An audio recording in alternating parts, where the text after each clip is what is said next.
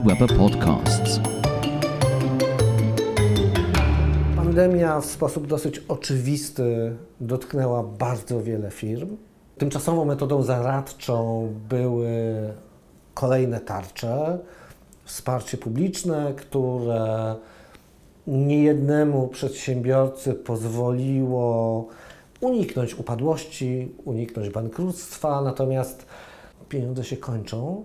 Możemy stać w obliczu kolejnej fali, może kolejnych lockdownów, duża niepewność na rynku. To z kolei powoduje, że przedsiębiorcy muszą szukać nowych, innych rozwiązań.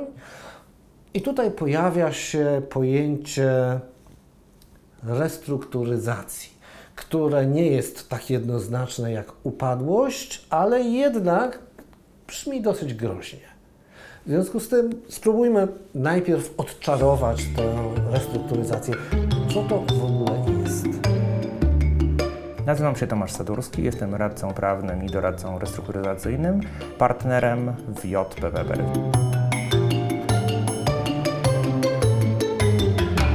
To wszystko zależy od tego, jak chcemy podejść do tego. Czy chcemy powiedzieć, że restrukturyzacja to jest jakiś skomplikowany proces, czy chcemy powiedzieć, że restrukturyzacja to jest coś w rozumieniu potocznym, że to jest coś, co chcemy naprawić. To podejdźmy do tego w sposób skuteczny. Jestem przedsiębiorcą, przejechałem na rozmaitych patentach, tarczach, zasobach rodzinnych, kolegach i uprzejmości pracowników przez kolejne lockdowny.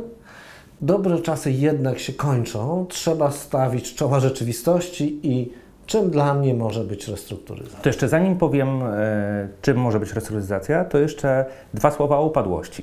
Dlatego, że gdyby nie tarcza 2.0, to w ciągu 30 dni od wystąpienia przesłanek upadłości musiałbyś złożyć wniosek o upadłość, bo inaczej groziłaby Ci odpowiedzialność wobec wierzycieli.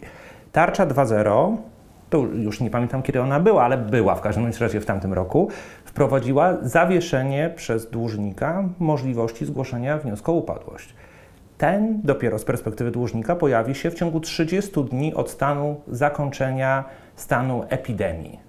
A jak wiemy, w tym momencie cały czas trwa stan epidemii, a w, tam w ustawie było w tarczy 30 dni od daty zakończenia stanu zagrożenia epidemiologicznego, czyli czegoś jeszcze mniej strasznego niż stanu epidemii. Czyli niejako jest w ten sposób, że nawet jeżeli masz zadłużenie w tym momencie, przekroczyłeś wszystkie terminy, to cały czas ty jako dłużnik jako przedsiębiorca, właściciel, członek zarządu, nie możesz złożyć wniosku o upadłość, bo sąd takiego wniosku nie rozpozna.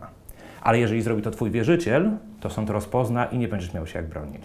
I w takim wypadku pojawiacie się Wy z propozycją restrukturyzacji jako metodą, która pozwoli uniknąć szafotu. Tak, i do tej pory było specjalne rozwiązanie w postaci uproszczonego postępowania restrukturyzacyjną, które okazało się wielkim sukcesem, bo wielu przedsiębiorców rzuciło się na to. To było postępowanie wprowadzane też tarczą, które miało obowiązywać do 30 czerwca. I tak wszyscy uważali, że skończy się 30 czerwca, ale niespodziewanie z końcem czerwca na mocy jakiejś kolejnej specjalnej ustawy, wiadomo, gdzieś w punkcie kolejnym weszło w życie przedłużenie tego procesu do 30 listopada 2021 roku. Więc cały czas to uproszczone postępowanie jest możliwe dla przedsiębiorców i bardzo wielu przedsiębiorców z tego skorzystało do tej pory. Ale krok wstecz, zanim przejdziemy do postępowania uproszczonego czy nie, czym jest restrukturyzacja? Przez pojęcie restrukturyzacji rozumiemy takie postępowanie, które ma na celu zachowanie przedsiębiorstwa dłużnika które ma na celu przede wszystkim uniknięcie upadłości. I teraz w zależności od tego, z jakim e, postępowaniem będziemy mieli do czynienia, głównym celem takiego jest e, uniknięcie poprzez zawarcie układu, czyli znalezienie porozumienia z wierzycielami, żebyśmy się dogadali, że ja dalej będę funkcjonował, a określoną część środków oddam Wam, wierzyciele, żyjmy dalej w zgodzie.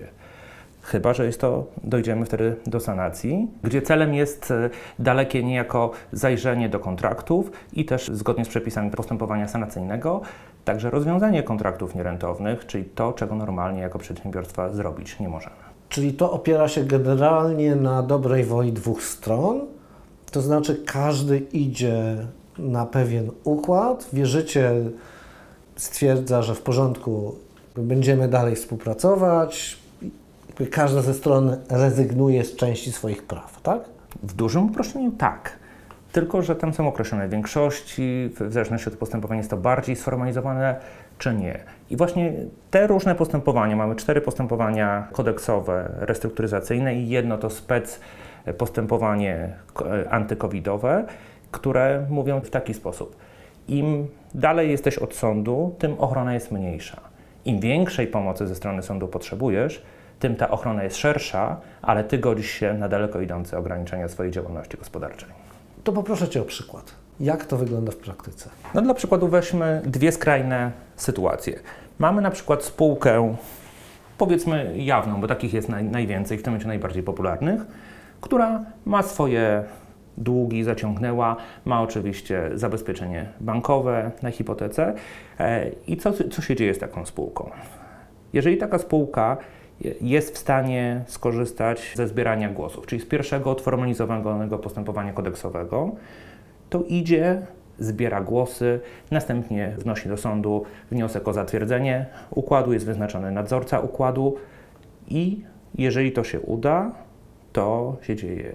Ale takie postępowanie opiera się na tym, że wierzyciele nie wykonują żadnych wrogich ruchów. To znaczy, idę odpowiednio wcześnie, przedstawiam warunki, które są akceptowalne i dogaduję się z nimi pozasądowo. To znaczy, że nie muszę wtedy korzystać z żadnych e, mechanizmów prawa restrukturyzacyjnego, czyli zawieszenia egzekucji, dlatego że podejmuję działalność odpowiednio wcześnie, kiedy nie jest jeszcze źle.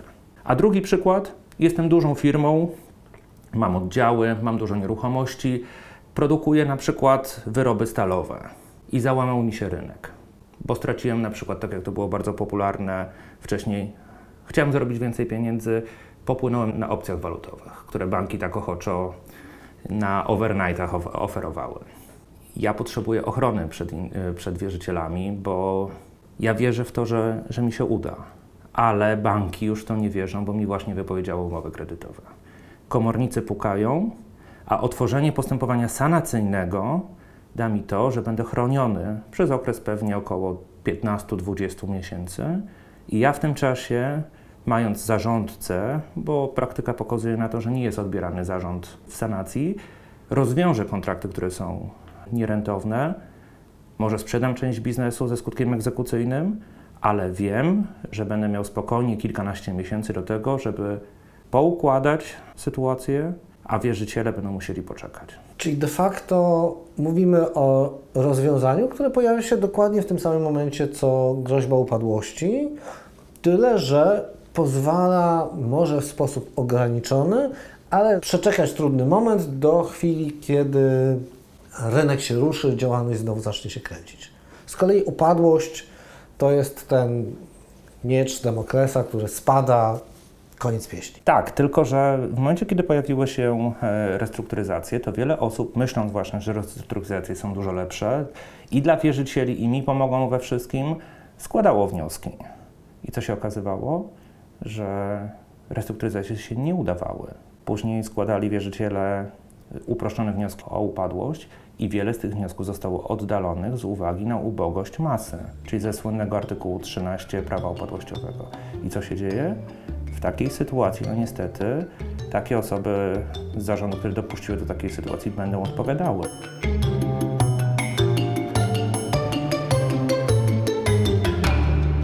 To znaczy, że nie udało się wypracować układu z wierzycielami. Określona w ustawie wtedy ilość wierzycieli, czyli odpowiednio liczona albo większość kapitałowa, albo większość osobowa, tam są różne mieszanki w różnych postępowaniach, nie wyraziła zgody. A jak się nie wyraziła zgody, no to postępowanie jest już nieudane. Wtedy zarządca bądź nadzorca składa wniosek o umorzenie postępowania. I wtedy jest też możliwość złożenia uproszczonego wniosku o upadłość. Czyli to nie jest tak, że jeżeli grozi mi upadłość, to bezpieczniej będzie spróbować restrukturyzacji, na upadłość zawsze przyjdzie czas. To jest jeszcze pytanie, na którym etapie my jesteśmy. Czy jest już na etapie takim, że, że nam odcina gotówkę, że już wchodzi komornik?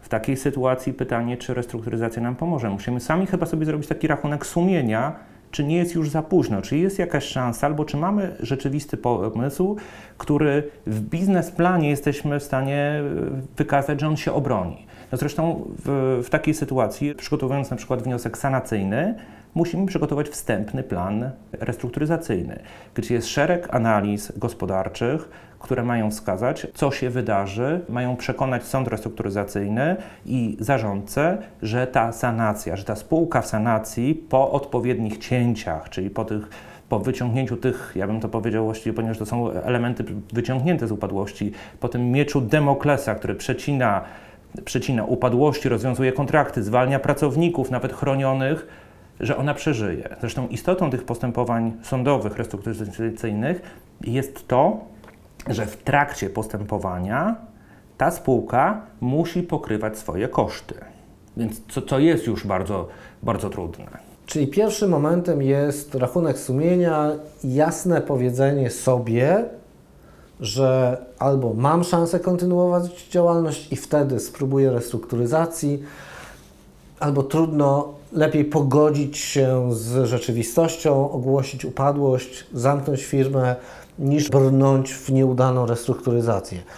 Wyobrażam sobie, że dla przedsiębiorcy jest to strasznie trudne, bo i wymaga wiedzy prawniczej, biznesowej, psychologicznie może być to w ogóle nie do przeskoczenia. Tak, tym bardziej, że psychologicznie każdy uważał, że upadłość to jest coś okropnego, że to jest koniec. A nie jest? Wiele osób, na przykład wielu konsumentów albo byłych przedsiębiorców, którzy kończą swoje działalności jako konsumenci, otwierają upadłości konsumenckie, to jest dla nich wybawienie wręcz które może potrwać, jeżeli nie zawinili w, w ogłoszeniu upadłości 3 lata, ale po 3 latach plus jeszcze jakiś rok, dwa, oni odzyskują bankowalność. Oni mają umorzone długi po, spłaty, po wykonaniu planu spłaty. Więc dla tych ludzi pojęcie upadłości jest zupełnie czymś innym. Zresztą dla wielu osób, które otwierają upadłość konsumencką, jak słyszą, że został wyznaczony syndyk i odbywają ze mną jako z syndykiem e, pierwszą rozmowę, mówią: Matko Święta, myślałem, że pan jest komornikiem drugim. Więc to odium upadłości, właśnie też przez tą upadłość konsumencką, bardzo się zmienia. Czyli oceniamy tutaj swoje szanse, wybieramy drogę. A jaka jest Wasza rola tutaj, jako doradcy ekonomicznego, psychologicznego, gdzieś na granicy psychiatrii pewnie w którymś momencie? To wszystko zależy, bo każda restrukturyzacja to nie jest tylko działalność prawnicza. To jest przede wszystkim, każda restrukturyzacja, żeby się udała, wynika z problemów finansowych. A jeżeli mamy do czynienia z problemami finansowymi, to potrzebujemy pieniędzy. Więc jeżeli danemu klientowi uda się znaleźć źródło finansowania, pozyskać finansowanie do tego, żeby przeprowadzić odpowiednie czynności restrukturyzacyjne, to oczywiście tą drogą jest restrukturyzacja. Ale tak jak początkowo, potem jak wprowadzili e, postępowanie restrukturyzacyjne, głównym problemem było, było to, że nikt nie chciał finansować podmiotów w restrukturyzacji, bo to było zbyt duże ryzyko. Tak teraz powoli to się zmienia. Są fundusze i są inwestorzy, którzy oczywiście na warunkach innych niż bankowe, dużo trudniejszych dla przedsiębiorcy, są w stanie dostarczyć finansowanie. I to finansowanie w restrukturyzacji decyduje o tym, czy ta restrukturyzacja się uda, czy się nie uda. Stwierdzenie, że są to inne warunki jest bardzo okrągłe i, i ładne. W praktyce, jak trudne są to warunki, które taki przedsiębiorca musi spełnić, żeby inwestor gotowy sfinansować restrukturyzację rzeczywiście w to wszedł. To jest e, tak zwane tailor-made rozwiązanie, które zależy od tego, jakim, o jakim biznesie mówimy, jaki jest możliwość poziomu zabezpieczenia. To wiadomo, że te warunki finansowania zależą od tego, tak jak banki zresztą, jak bezpieczne będą moje pieniądze. Czyli tak naprawdę zależy to od jakości przedsiębiorcy, od firmy, od tego, czy ma aktywa i tak dalej, i tak dalej. I teraz Wy jako doradca, jaka jest Wasza rola? To znaczy to jest ten swat, który szuka dwóch stron tego związku? Przede wszystkim najpierw spotykamy się z firmą, która ma problemy. Badamy, jaka jest jej sytuacja. I jeżeli rozwiązaniem jest tego, że widzimy możliwość restrukturyzacji, pomagamy tej firmie szukać inwestora. Mamy w ramach, w ramach współpracy z różnymi podmiotami sieć inwestorów, którzy w tak zwanych distressed assets są w stanie się poruszać i staramy się zmeczować taki podmiot, który uważamy, że ma szansę, z inwestorem, który jest gotów w stanie zainwestować. Zresztą, jeżeli nawet znajdziemy taką, taką sytuację, w zależności od tego, jak zła jest sytuacja, być może okaże się, że samo nawet sądowe postępowanie nie będzie potrzebne. Chociaż zawsze każdy inwestor, jeżeli chce coś kupić, to kupi to w sanacji albo w upadłości, dlatego że ma skutek nabycia egzekucyjnego. Czyli jednak taki pośrednik matrymonialny od przypadków trudnych. A kim są w takim razie inwestorzy, którzy się tutaj na to decydują? Co to są za podmioty, za ludzie? Są to ludzie, którzy widzą, że na przykład jakiś biznes jest y, nisko wyceniany, ale na przykład mają wizję albo mają na przykład swoją działalność, którą chcą dołączyć, poszerzyć swoje horyzonty. A często są też y, przedsiębiorcy zagraniczni. No, mogę podać taki przykład oczywiście bez nazw, którego przedsiębiorstwo w sanacji było dostawcą, e, dostawcą części. I w ten sposób zdywersyfikował sobie dostawę, przejmując, bo on docelowo w ramach Pripaka kupił to przedsiębiorstwo. Bo jeszcze też rozmawiamy, rozmawiamy o różnych restrukturyzacjach. Jeżeli restrukturyzacje się nie udają, to mamy do czynienia nie tylko z samą klasyczną upadłością, jest też możliwość przygotowania tak zwanego wniosku z przygotowaną likwidacją, czyli z tak zwanym pripakiem, gdzie do sądu składamy wniosek od razu z propozycją podmiotu, który nabędzie wskazane we wniosku asety. I z momentem zatwierdzenia skuteczna jest umowa wtedy nabycia. Z punktu widzenia przedsiębiorcy, który wchodzi w ten y, proces, wierzy, że ma możliwość kontynuowania działalności dzięki restrukturyzacji, znajduje inwestora, którego przekona do swojej wizji, Was jako pośredników, którzy pomagają to wszystko przeprowadzić. Natomiast na jak daleką utratę niezależności i wpływu na swoje dziecko ukochane często, którym jest to przedsiębiorstwo, musi się taki człowiek godzić. To znaczy on staje przed wyborem tego, że to dziecko po prostu umrze śmiercią naturalną, a tym, że w jakiś sposób, w jakiejś części... A drugim, że ktoś to dziecko adoptuje, a on straci prawa rodzicielskie do niego. Najczęściej tak to się kończy.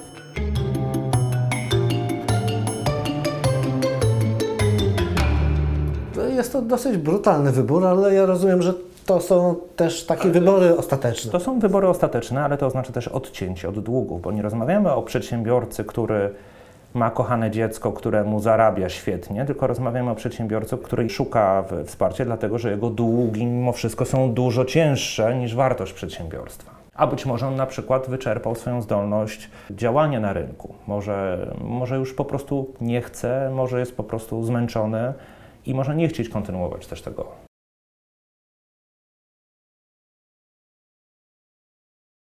A wracając do sytuacji rynkowej, tego co dzieje się na skutek trwającej już przecież półtora roku pandemii. Ja rozumiem, że liczba upadłości została w pewien sposób sztucznie zaniżona. zaniżona. Jak to się dalej będzie rozwijało? To znaczy te upadłości, te firmy na tych respiratorach ekonomicznych będą funkcjonowały, aż tlen się skończy i, i umrą na ten, na ten COVID? Czy gdzieś jakieś odbicie nastąpi?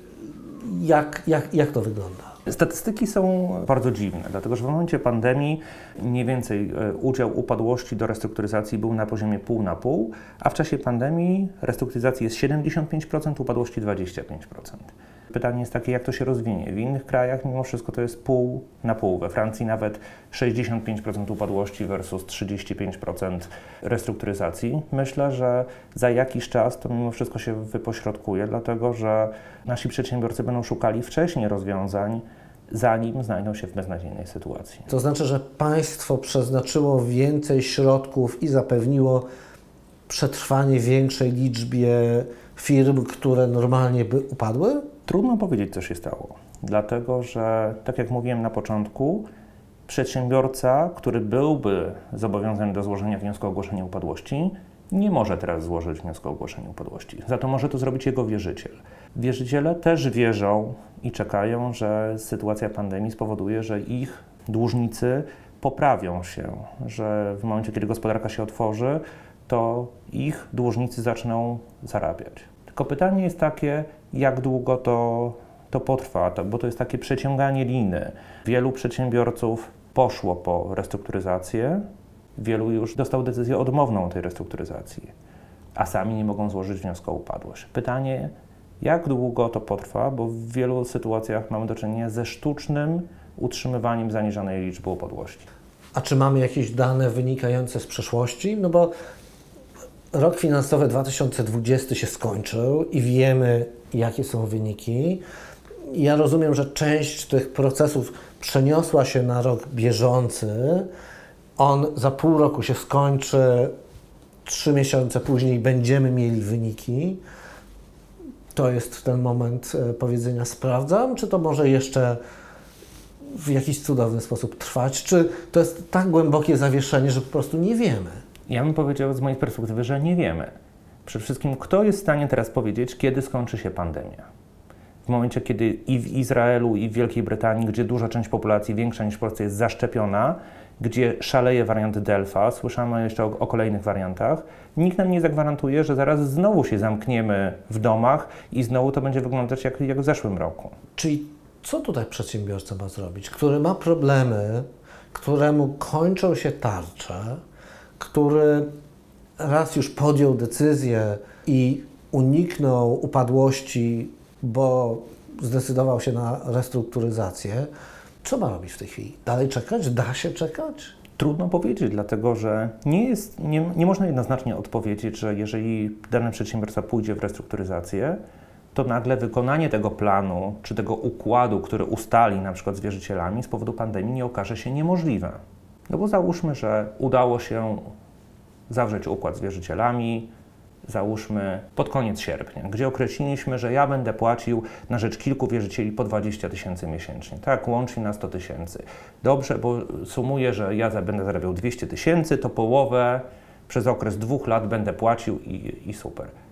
Ale zamkną gospodarkę nagle i ja nie będę miał tych 200 tysięcy, ba nawet tych 100 tysięcy nie będę miał miesięcznie, żeby płacić. A więc układ upadnie. I co wtedy się dzieje? I w takiej sytuacji postępowanie jest umorzone. Wracamy wtedy do drogi, że dopóki trwa stan zagrożenia epidemiologicznego, ja jako członek zarządu spółki nie mogę złożyć wniosku o upadłość, powołując się, że ten wniosek jest spowodowany COVID-em. Tkwimy niejako w pacie, bo ja nie mogę, ale wierzyciel może. To jest kuriozum. To jest sytuacja kuriozalna, sytuacja sztuczna. Kto ma klucz do tej sytuacji?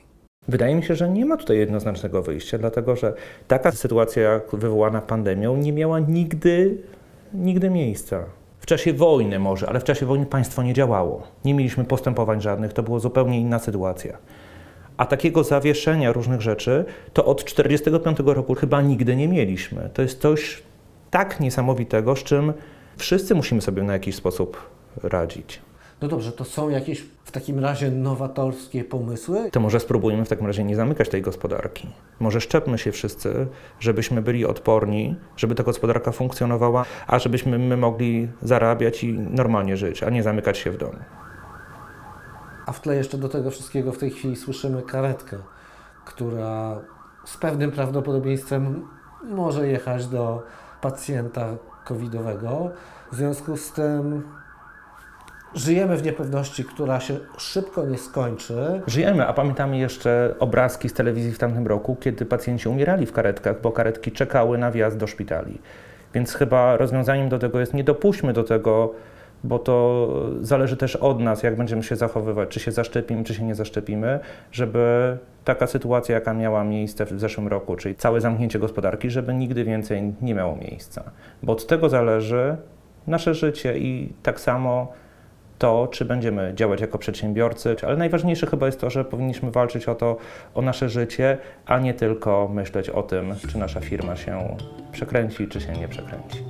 Bo chyba życie, e, życie w tym momencie jest dla nas i dla naszych najbliższych najważniejsze. This podcast was made for JP Weber by Free Range Productions. Honest Audio.